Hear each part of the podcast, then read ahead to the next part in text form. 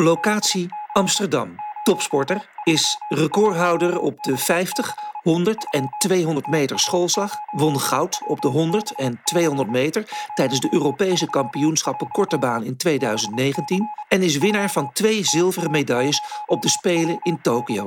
Arno Kamminga. Ik eh, zou Arno omschrijven als een heel zorgzaam persoon. Die heel toegewijd in zijn sport bezig is. Heel professioneel, heel doelgericht en planmatig. Hij kan dingen met heel veel lef aanpakken. En heel af en toe is hij een heel klein beetje zacht voor zichzelf. Dan mag hij er wel een eh, tandje bij zetten.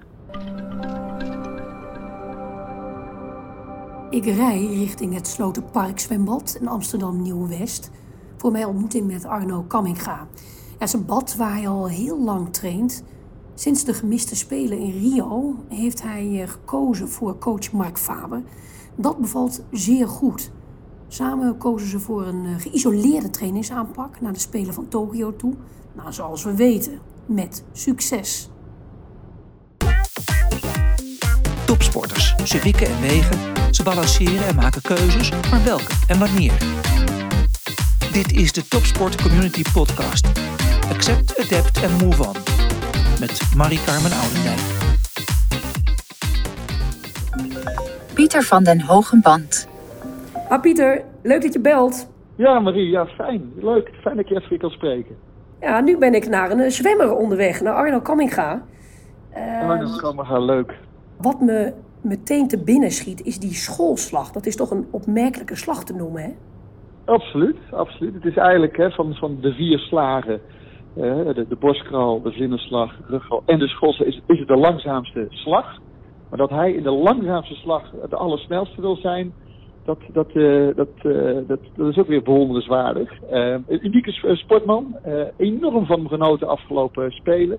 Hij was ook een enorme fijne animator van de hele Olympische ploeg. Omdat hij in het begin zijn zilveren medailles uit het water viste, heeft hij ook de rest van de ploeg weten te inspireren. Ehm, ik vind een, het is een, een, sportman met enorm dosis zelfvertrouwen en ondernemerschap. Hij heeft de sport ook naar een, een next level geteeld, ook met verrijkingen zoals, zoals de, de, de, de warming-up die hij op een andere manier inkleedt en, en een andere benadering, uh, sportbenadering dan, uh, dan, dan zijn concurrenten. En ik zie, ik zie dat hij nog heel veel potentie heeft. Dus je bent, hij is nu nummer twee van de wereld. En ehm, ik, ik denk dat hij in, in staat is om ooit ook weer nummer één te worden. En hoe lang heeft hij daar de tijd voor, denk je? Nou, ik, ik, uh, ik zie dus dat, uh, ja, weet je, de, de Arno Kamera, maar ook uh, Adam Peaty, die, uh, die hebben de schoolslag enorm populair momenteel gemaakt. waarin Peaty ehm, al, al een paar jaar aan de top staat. En we weten nu uit ervaring dat dat heel zwaar en lastig is. Um, weet Arno wat hem te doen staat. En zie ik nog gewoon redenen ja, dat hij nog progressie kan tonen en nog, nog beter en nog harder kan. Um, en dan zou hij zomaar Pietie kunnen verslaan. En um, ja, ik, ik, dat, uh, dat gun ik hem. En, uh, maar weet ik vind het ook wel mooi om, om te zien hoe hij geniet van, van, van ook zijn successen nu. De zilveren plakken, dat was al uh, fantastisch. Maar ik, richting Parijs is hij toch wel een van de, van de, de favorieten die, die toch echt voor Olympisch goud gaat strijden. Ja, mooi hè. Ik, nou, ik ben er bijna. Dus ik, uh, ik ga dit allemaal meenemen ook in het gesprek. Ja, doe, hem, uh, doe hem de hartelijke groeten. En, en, en mocht het in Parijs niet lukken, dan, dan hebben we nog altijd Los Angeles en wie weet Brisbane. Want het is een, uh, een sportman die, die weet hoe, hoe je duurzaam moet, moet presteren. Hij is erg zuinig op zijn lijf. En ik kijk er naar uit naar jullie gesprek. Hartstikke fijn. Dankjewel Pieter. Ik wil even met jou terug naar Tokio het moment dat jij je eerste zilveren medaille haalt. Je kijkt op de klok, je ziet het. En dan? Als ik finish, kijk ik altijd eerst naar, naar, naar mijn coach, naar Mark, die op de tribune staat. Uh, dus ik vier het voor mezelf en met hem. Uh, dat is eigenlijk ons momentje. En nou ja, daarna natuurlijk met vrienden en familie. Maar ja, daarna ga je de mixzone door. Uh, en, en ja, eigenlijk moest ik toen direct al naar de prijsstrijking. dan weer de mixzone door. En toen pas kon ik eigenlijk, dus ik denk dat ik echt uh, ja, bijna een uur na mijn race pas een keer mijn coach in de armen kon sluiten.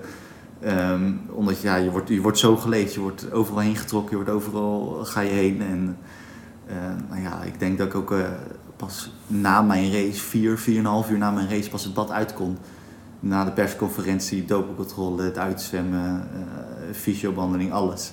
Dus ja, er komt heel veel bij kijken, maar het, het, het was allemaal geweldig. Alles was leuk. Wil ik even terug naar voor de Olympische Spelen, het hele traject daar naartoe. Jij hebt ervoor gekozen om dat in extreme uh, isolatie eigenlijk te doen. Ik kan je eigenlijk wel een soort kluizenaar noemen.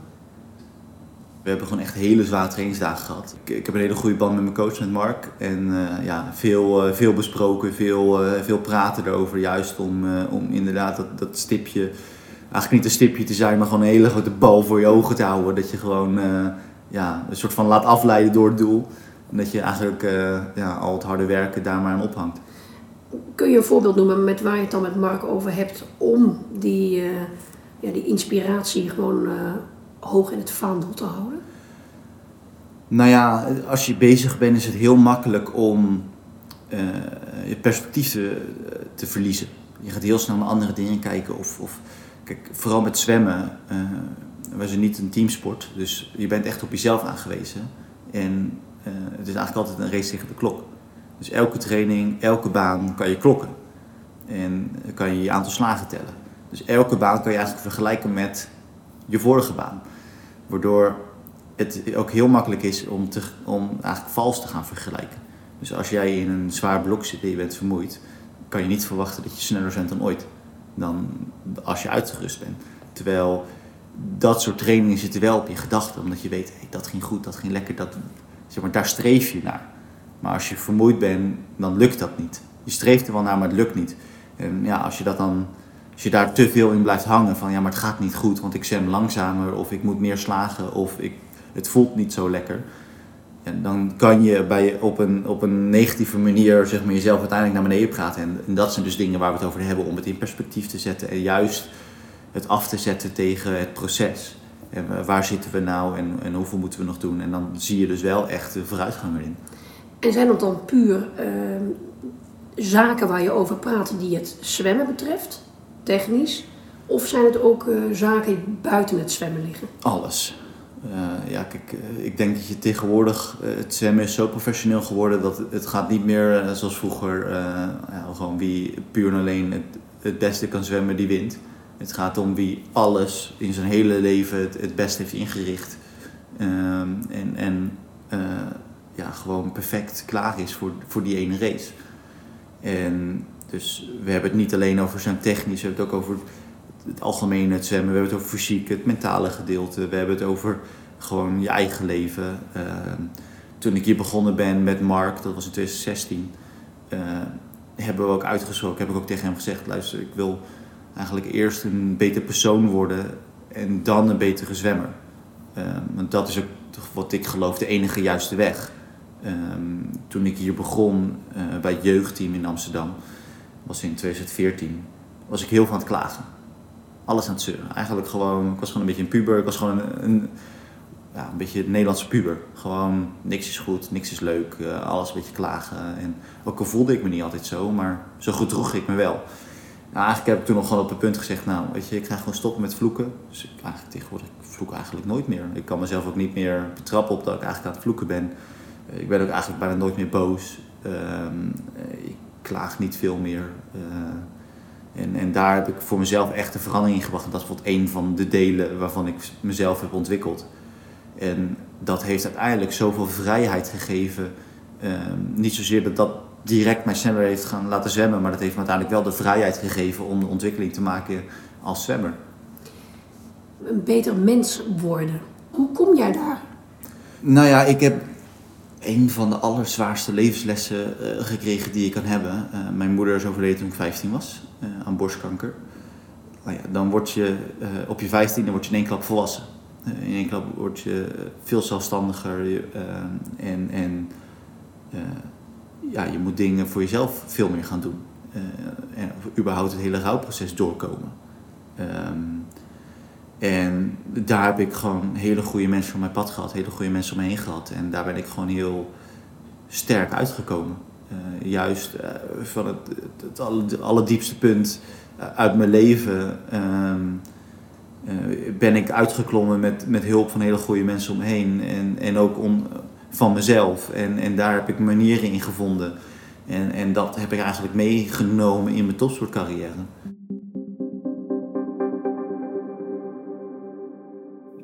Dat hij, door de, het overlijden van zijn moeder heel veel dingen is gaan waarderen. En ook uh, de sport is gaan waarderen. En hij heeft destijds de sport uh, veel gebruikt als afleiding. Um, maar hij heeft ook bepaalde waarden meegekregen vanuit die, vanuit die uh, situatie en vanuit die fase. En daar is hij zeker beter van geworden. Kun je daar ook een voorbeeld van noemen? Nou ja, ik denk dat Arno zijn dingen echt heel doelbewust doet. Hè. Hij geniet optimaal van zijn sport, waardeert zijn sport, waardeert de mensen om hem heen. Neemt eigenlijk niks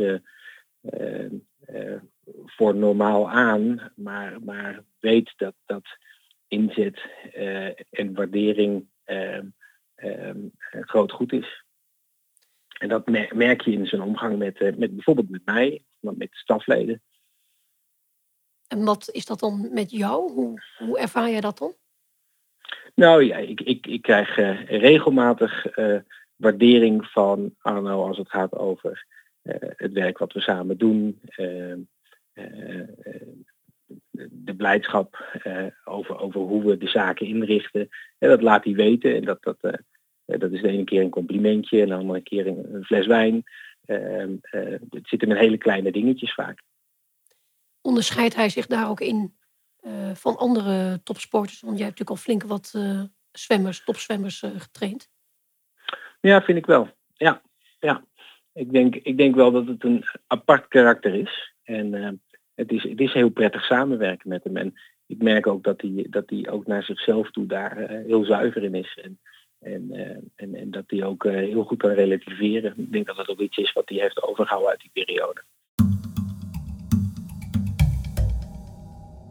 Als ik terugdenk aan mijn moeder heb ik alleen maar positieve herinneringen. Uh, het was een super lieve vrouw. dat is ook het verhalen van. Nu kom ik af en toe nog oud-collega's of, of, mensen tegen. En helemaal nu ik in de krant sta, sturen ze me berichten. En dat doet me zoveel goed. Je. Dus vertellen helemaal over hoe lieve vrouw. Want ze was heel zorgzaam. En dat zie ik ook een beetje in mezelf terug. En, en dat is heel fijn. En, en, en ja, dat, dat heeft mij ook mede geïnspireerd om inderdaad een beter mens te worden. Om inderdaad ook zo lief te zijn. En natuurlijk moet je in topsport keuzes maken. Dus ik kan niet voor iedereen dat zijn. Maar voor de juiste mensen om me heen, familie, vrienden, ben ik dat wel heel erg. En, en ben ik wel heel zorgzaam. En heb ik altijd alles, weet je, ik steek een hand in het vuur voor de, voor, voor de mensen die om mij heen staan. En daarnaast heb ik ook gehad, het klinkt misschien heel hard, uh, maar juist dat is hoe ik zie, de les zie van het overlijden van mijn moeder. Uh, kijk, shit happens. Uh, en het gaat, het gaat, sommige dingen gebeuren, die heb je niet in de hand. en dan gaat het erom, ja, wat, wat doe je ermee? En blijf je daarin hangen en blijf je het non-stop als excuus gebruiken? Of pak je het op en, en zeg je, nou ja, eh, super kloten. En, en tuurlijk zou ik alles voor, weet je, ik, ik zou zo'n Olympische medaille inleveren als ik het kon omruilen. Maar ja, dat gebruiken om sterker uit te komen en, en het niet als excuus, maar juist als, als iets sterks te kunnen gebruiken. En, en dat heb ik meegenomen. En ik denk dat dat mij bijvoorbeeld ook met het hele uitstellen van de Spelen heel erg heeft geholpen. Weet je. Dat zijn dingen waarvan ik weet, ja, kunnen het alleen maar accepteren. We kunnen er helemaal niks aan doen. Ook de hele coronasituatie. Ik kan er wel zo boos om maken als ik wil, maar dat gaat niks veranderen. Het enige wat ik kan doen is accepteren en vooral wat ik zelf in de hand heb, in de hand houden. En nou ja, dat heb ik toen met een hele zware les geleerd. En dat neem ik dus op de dag van vandaag, heb ik daar nog wat aan. Waar was jouw moeder toen jij die zilveren medaille in Tokio haalde? Heel dichtbij ja, sowieso. Ik moest sowieso de hele de, voorbereiding die laatste weken veel meer aan haar denken. Ehm, we hadden het net over kluisenaarsleven. Um, kijk, in de, sinds uh, begin corona tot en met de Spelen uh, heb ik mijn familie, ik denk niet meer dan vijf keer gezien. Eh, Ongelooflijk. en dan heb ik het over gezin, de rest van de familie helemaal niet. Eh, de vrienden eigenlijk ook op een enkele, een enkele keer na ook eigenlijk helemaal niet. Eh, je, wilde geen risico nemen. Weet je, bij, vooral bij het begin wist je natuurlijk niks van af. Daarna komt de speler weer dichterbij, zie je in je voorbereiding. En ja, die laatste twee weken voor de Spelen was voor mij helemaal dat ik zei, ja, weet je, ik heb nu anderhalf jaar lang al zo gedaan. Ik kan nu prima die laatste twee weken nog wat extremer leven. Dus die laatste twee weken heb ik mezelf ook in het Olympisch dorp echt afgesloten. Dus eh, eh, alleen de mensen die ik nodig had, dus de staf en, en een select groepje vrienden, eh, liet ik toe. En voor de rest bestond ik eigenlijk niet. Dus ik, ik, stond, ik was voornamelijk op mijn eigen kamer. Ik heb mezelf helemaal afgezonderd. Ik dacht, niks komt tussen mij en mijn races. Eh, ja, weet je, de- zo erg leefde ik daar naartoe. En daar was jouw moeder dus ook dicht bij jou. Precies, dus juist omdat ik ja, veel meer naar mezelf toe kwam, heb je natuurlijk ook tijd om meer na te denken. En, en dan, ja, toen kwamen die mooie herinneringen. En ja, weet je, dan denk ik nog terug aan toen ik hier in Nederland bij een klein tussendoorwedstrijdje, wat eigenlijk natuurlijk helemaal niks voorstelde, hoe trots mijn moeder al was als ik daar een medaille pakte. Ja, dan, dan- dan kan je niet beseffen wat, wat, wat dit haar zal doen.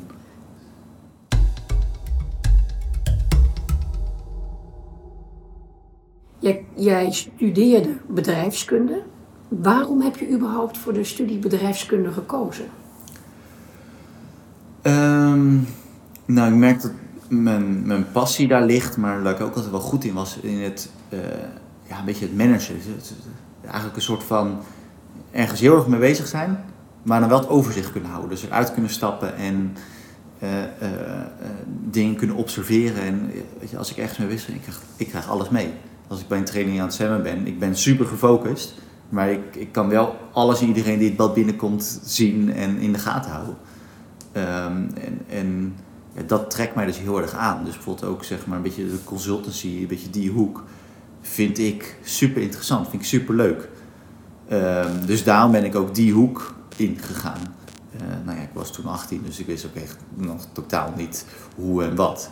Eh, maar dat vind ik tegenwoordig nog steeds leuk. En ik merk ook dat dat ook wel, eh, dat daar ook mijn kracht ligt. En, dat ook gedeelte in in mijn topsport in die hoek zitten.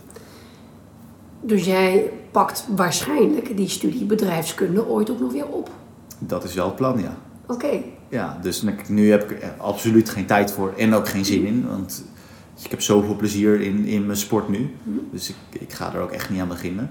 Maar eh, dat is wel de richting op die, waarvan ik denk, ja, dat vind ik leuk om te gaan doen straks. Ben jij nu niet eigenlijk al ondernemer met je hele eigen team om je heen? Ook wel in zekere mate. Alleen eh, nu heb ik de luxe, eh, zo kan ik het noemen, eh, dat de mensen om mij heen juist heel veel zorgen van mij wegnemen. Dat ik eigenlijk hoef ik aan niks anders te denken dan sporten. Tuurlijk komen er allemaal randzaken bij. Maar, maar bij de kern is het, ik heb de juiste mensen om me heen die juist dingen voor mij doen, zodat ik mij volledig op het sport kan focussen. En ik denk juist als je inderdaad meer het bedrijfsleven gaat, dat je dan andere verantwoordelijkheden krijgt. Kijk, nu- Zoals? nou ja, alle, alle randzaken regelen. Nu op dit moment gaat het erom, ehm, ik moet hard zwemmen. En, en alle mensen om me heen zorgen ervoor dat ik hard kan zwemmen. En alle eh, dingen die daarbij komen kijken, de organisatie rondom trainingskampen, wedstrijden, sponsordingen, dat heb ik nu allemaal gelukkig uit handen kunnen geven. En kijk, als je, als, je, als je straks in het bedrijfsleven zit, dan moet je dat zelf allemaal opknappen. Even dat punt, eh, de commercie erbij. Je hebt twee zilveren medailles in, Tokio gewonnen. Dat brengt het pad van eh, de commerciële uitingen ook in een andere richting. Hoe gaat dat? Ehm, nou ja, ik denk dat eh, iedere sporter die geen voetballer is in Nederland kan beamen dat het heel lastig is om geld te verdienen met sport. Ehm, nog steeds moet ik het voornamelijk hebben van prijzengeld en niet van sponsordeals. Ehm, tuurlijk komt er nu wat meer op mijn pad en vooral, eh, ik ben in Katwijk geboren en daar zijn we nu echt wel eh, mooie stappen aan het maken. Eh, maar ja, het blijft lastig en, en, en ik, ik wil hartstikke graag met, met, met mooie partijen in zee. En, en, en ik ben ook hard op zoek naar bedrijven die bij mij passen en bij mijn visie en, en, en bij mijn doelen past. Eh, maar dat gaat niet 1, 2, 3. Zelfs al heb je twee zilveren medailles op zak. Welke visie heb je dan over? Uh, nou, Mark en ik eigenlijk uh, hebben één woord een beetje op mijn carrière geplakt en dat is duurzaam. Dus wij willen alles duurzaam doen. Uh, dus dat betekent eigenlijk de stijgende lijn die wij hebben, dat we die door kunnen zetten. Dat wij niet opgebrand raken.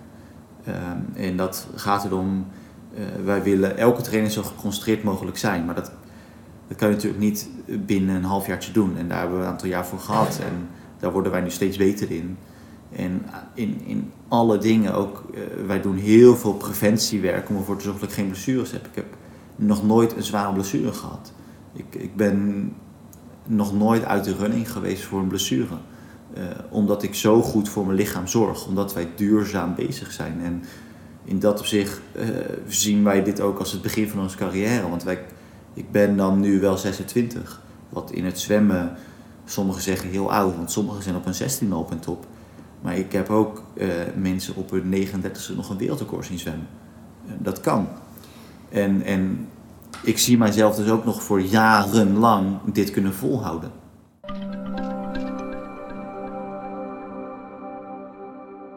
Arno heeft gestudeerd bedrijfskunde.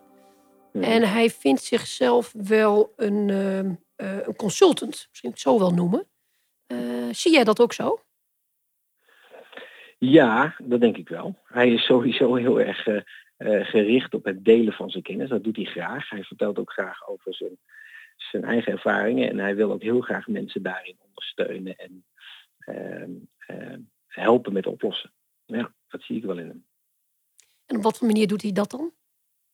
Nou ja, dat zit hem ook al in de sport. Hè. De, de, zijn, zijn plan vertellen, zijn verhaal vertellen, zijn, zijn concept uh, uitleggen aan anderen of anderen helpen bij op, oplossingjes in, in hun vraagstuk, dat zit, hem, dat zit hem wel in zijn aard. Advies geven aan bedrijven, mm. waar hij dus uiteindelijk nog zijn studie voor wil afmaken, mm. zou hij dat goed kunnen? Ja, dat zie ik hem wel doen eigenlijk. Ja, ja. Ik denk dat hij goed oog heeft voor processen. Ik denk dat hij goed vanuit een plan kan werken. En uh, ik vind hem ook wel aardig in, uh, in de wijze waarop hij zich verwoordt als het gaat over adviezen. Waar is uh, Arno onderscheidend eigenlijk in? Ja, ten opzichte van zijn collega's is, is hij wel een, een, een, andere sporter. Hij is bijvoorbeeld, waar het aankomt op de voorbereiding voor zijn wedstrijd, afwijkend van het gemiddelde. Hij doet zijn warming-up, zoals hij wellicht wel verteld heeft volledig buiten het water. Waar de, de, de, gemiddelde topzwemmer dat wel in het water doet. En dat is een concept wat hij eigenlijk zelf uh, ja, in samenspraak met mij zeg maar, ontwikkeld heeft. Wat zich over de jaren heen verfijnd heeft. En wat voor hem uitstekend werkt en, en hem een optimale voorbereiding geeft op een topprestatie. wat mij bijvoorbeeld heel uniek maakt in het zwemmen, um, je hebt natuurlijk je warming-up voor een race. En wat iedereen doet, is zwemmen als warming-up. Want ja, je gaat daarna zwemmen voor je race. Maar ja, weet je, wij, wij zwemmen meer dan 20 uur in de week. Dus je weet donders goed je techniek, uh, je verdeling, je kracht. In principe weet je alles. Dus, de, dus Mark en ik hebben ook gezeten van ja, wat is nou het nut van, van zwemmen van je warming-up? wat is nou überhaupt het nut van warming-up? Ja, dat is warm worden. Zorg dat je klaar bent voor je race, dat je klaar bent voor een maximale inspanning. En we zijn erachter gekomen, tenminste dat was eigenlijk al voor Mark, uh, maar we hebben het echt geperfectioneerd. Dat voor mij op het land oefeningen doen, dus opdrukken, ballen gooien, springen, squats, dat soort dingen. Dat ik daar extreem klaar voor mijn race voor ben, maar dat het wel efficiënter is, dat ik minder energie aan kwijt raak. En achteraf gezien is het ook nog heel fijn. Want in een zwembad uh, ben je afhankelijk van hoe warm of hoe koud is het water, hoe druk is de baan. Je moet maar net de ruimte hebben. Weet je, soms lig je in een bad en dan liggen gewoon ja, 30, 40 andere zwemmers in je baan. Ja, probeer dan naar jouw vaste routine te doen. Terwijl ik heb een klein plekje op het land nodig. Ik heb altijd mijn eigen matje mee. Ik heb altijd mijn eigen spullen mee. Dus ik kan altijd hetzelfde doen. En daarmee heb ik mijn warming-up zo geperfectioneerd op een compleet andere manier. En ik heb nog steeds op de dag van vandaag dat mensen naar me toe komen vol ongeloof. Hoe kan jij dit doen? Hoe kan jij zonder zwemmen zo hard, zonder in te zwemmen zo hard racen? En in de sprint, dus in de 50 meter nummers, zie je al wel wat meer mensen het doen. Maar mensen durven het niet voor een 200 meter. Terwijl, want dan zeggen ze, ja, maar dan moet je je systeem wat meer aan hebben staan. Je moet wat meer werk hebben. Terwijl zij zien het als een belemmering, maar ik zie het als een uitdaging. Wij zeggen, oké, als dat zo is, dat betekent dus gewoon dat je nog iets intensiever die warming-up moet doen. Ik heb die beelden natuurlijk ook gezien, iedereen denk ik, hè? voor aanvang van jouw race, Ja. in Tokio bijvoorbeeld. Ehm, ben jij hier echt eh, de pionier in geweest? Ehm, misschien wel de pionier in echt het alleen eh, op het land. Maar je hebt be- best wel veel anderen die ook op het land deden. En daar heb ik ook... Ik ben ook altijd bezig met mijn concurrenten. Ik kijk, wat doen zij? En dan niet om het te kopiëren, maar meer om de vraag te stellen... Hoezo doen zij dat? En dat zijn bijvoorbeeld hele leuke discussies die ik met, met Mark aanga. Van, ja, maar zij doen dit. Hoezo doen zij dat? En... en dan komen wij soms achter dingen waar, waar wij zelf ook iets nuttig gaan pikken. En soms komen wij achter dingen en ze denken, ja, dat doen ze alleen maar ja, leuk en aardig, maar het levert niks op. Dus sommige oefeningen eh, eh, heb ik misschien wel gewoon afgekeken van anderen. eh, en sommige dingen heb ik zelf verzonnen. Maar uiteindelijk het totaalplaatje is wel gewoon mijn ding.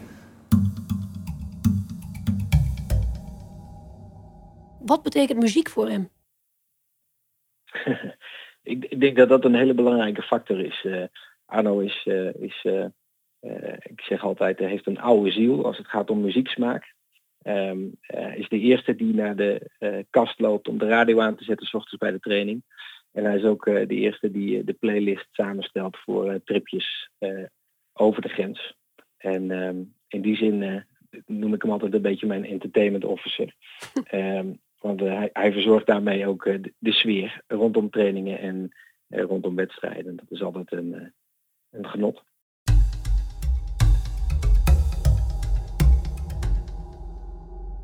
We hadden net Ace of Spades aanstaan. Ehm don't, eh, don't Fear the Reaper.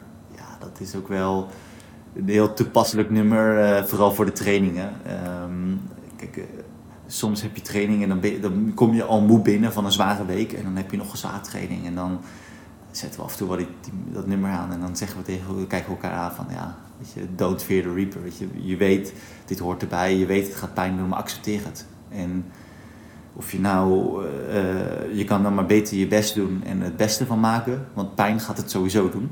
Dus dan kan je maar beter het beste eruit halen. En juist als je, dat, als je die overgave hebt en, het, en dat los kan laten.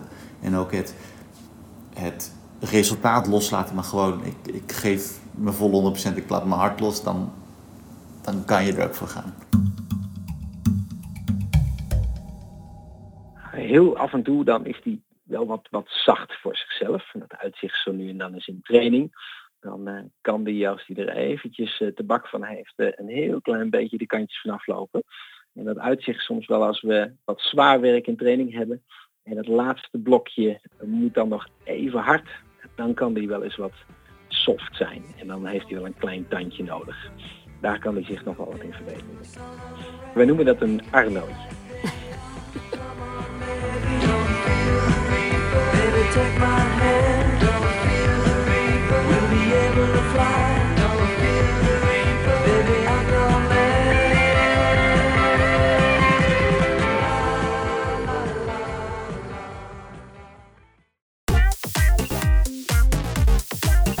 Dit was de Topsport Community Podcast. Tot de volgende keer.